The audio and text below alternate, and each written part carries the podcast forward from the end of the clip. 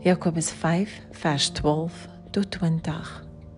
Maar bo alles, my broeders, moenie sweer nie, nie by die hemel nie, ook nie by die aarde nie, en ook geen ander eed nie, maar laat julle ja ja wees en julle nee nee, sodat julle nie onder 'n oordeel val nie. Is daar iemand onder julle wat ly?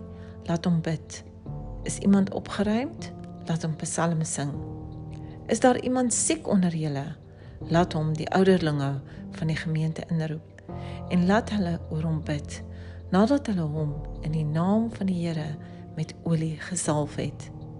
En die gebed van die geloof sal die kranke red en die Here sal hom oprig.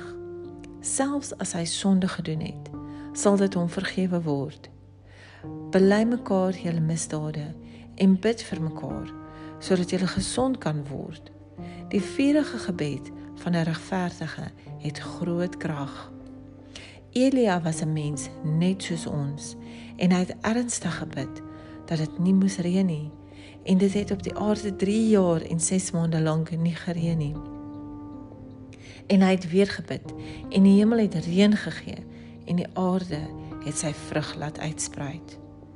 Broeders, as een onder julle van die waarheid afgedwaal het en iemand hom bekeer, laat hy weet dat die een wat 'n sondaar van sy dwaalweg bekeer, 'n siel uit die dood sal red en 'n menigte sondes sal bedek.